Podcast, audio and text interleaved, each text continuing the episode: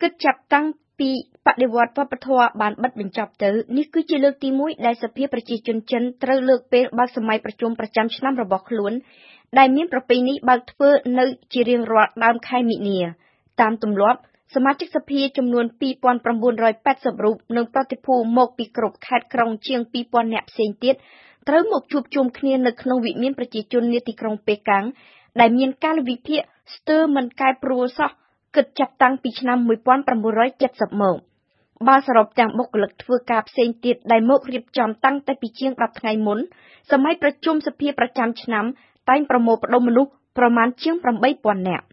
បើតាមភ្នាក់ងារសារព័ត៌មានផ្លូវការចិនគណៈកម្មការអចិន្ត្រៃយ៍សភាប្រជាជនត្រូវសម្រេចជាផ្លូវការនៅថ្ងៃទី24កុម្ភៈខាងមុខ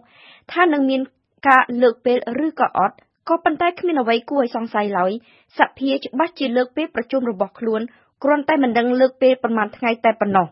ពីព្រោះកាលពីថ្ងៃទី14កុម្ភៈប៉េកាំងបានសម្រេចចាប់ឃាត់ជនគ្រប់រូបដែលត្រឡប់ចូលមករដ្ឋធានីប៉េកាំងវិញ ដាក់ឲ្យនៅដាច់ដោយឡែកពីគេរយៈពេលពីរសប្តាហ៍សិនដើម្បីប្រយុទ្ធប្រឆាំងនឹងការចម្លងរោគកូវីដ -19 ថ្មីដូច្នេះប្រតិភូទាំងអស់ដែលត្រូវមកចូលរួមប្រជុំត្រូវចាកចេញនឹងអវត្តមានពីខេត្តរបស់ខ្លួនរយៈពេលជិតមួយខែអាញាធរចិន ពិតជានឹងមិនអាចអនុញ្ញាតឲ្យមេដឹកនាំបាត់មុខយូរក្នុងពេលកំពុងមានវិបត្តិធ្ងន់ធ្ងរយ៉ាងដូចនេះបានឡើយសេចក្តីសម្រេចចិត្តនេះបានសបញ្ជាក់ឲ្យឃើញថាលោកស៊ុយជីងពីងផ្ដល់តម្លៃដល់ការប្រយុទ្ធប្រឆាំងនឹងមេរោគរាតត្បាតកូវីដ -19 សំខាន់ជាងអ្វីៗទាំងអស់នេះគឺជាសេចក្តីសម្រេចប្រកបទៅដោយនិមិត្តរូបខ្ពស់ណាស់ពីព្រោះថាការលើកសម័យប្រជុំសភានឹងធ្វើឲ្យកាលវិភាគការទូតនិងកាលវិភាគរបស់ប្រធានាធិបតីត្រូវប្រែប្រួល តាមគម្រោងលោកស៊ីជីនពីងត្រូវចេញទៅបំពេញទស្សនកិច្ចដ៏សំខាន់មួយនៅប្រទេសជប៉ុននៅដើមខែមេសា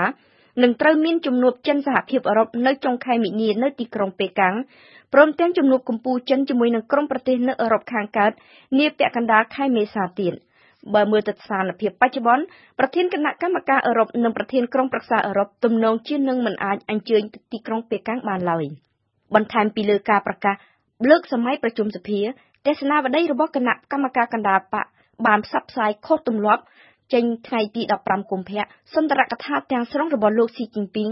ដែលធ្វើនៅចំពោះមុខសមាជិកគណៈកម្មការអចិន្ត្រៃយ៍នៃការិយាល័យនយោបាយមជ្ឈិមបកដែលជាសន្តាប័នដ៏កំពូលកើតរបស់ចិន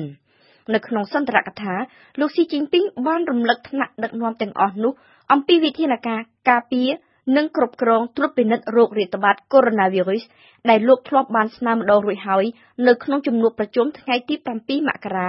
រាប់ទាំងវិធានការបិទគប់ក្រុងវូហាន និងក្រុងផ្សេងៗទៀតនៃខេត្តហ៊ូប៉េផង តែវិធានការនេះគេទើបឃើញចាប់អនុវត្តនៅថ្ងៃទី23មករាឯណោះទេក្នុងសន្ទរកថានោះលោកស៊ីជីនពីងបានប្រាប់ពាក្យថាខ្ញុំដល់ទៅ13ដងមានន័យថាពេញមួយខែកមករាកន្លងមកនេះ ថ្វីបើគេមិនបានឃើញមុខលោកប្រធានាធិបតីមែន តែលោកគឺជាអ្នកបញ្ជាកិច្ចការប្រយុទ្ធប្រឆាំងនឹងកូវីដ -19 ដោយពិតពិតការបង្ហើបព័ត៌មានមួយនេះបានធ្វើឲ្យអ្នកសង្កេតការភ្ញាក់ក្រញាងពីព្រោះវាខុសស្រឡះពីអ្វីដែលពួកគេធ្លាប់គិតថាពេលកាំងទំនងជាមិនដឹងរឿងកូវីដនៅមុនថ្ងៃទី18 19មករាទេក៏ប៉ុន្តែប្រសិនបើពេលកាំងបានដឹងតាំងតែពីដំបូងមកមែនហេតុអ្វីបានជាគេត្រូវរងចាំដល់ទៅ2សប្តាហ៍ ទើបសម្រេចចិត្តបិទវូហាន ហេតុអ្វីបានជាលោកស៊ីជីនពីងចង់បង្ហាញហើយបង្ហាញទៀតថាលោកពិតជាអ្នកដឹកនាំប្រតិបត្តិការប្រឆាំងនឹងកូវីដ -19 មកពីមានអ្នកបន្ទោសលោកស៊ីជីនពីងដែលអវត្តមានយ៉ាងចម្លែករហូតដល់ថ្ងៃទី10កុម្ភៈឬឬក៏មកពីពេលនេះស្ថានភាពបានប្រសើរឡើងហើយទើបលោកចង់ទាញយកស្នាដៃទោះដោយមូលហេតុណាមួយក៏ដោយ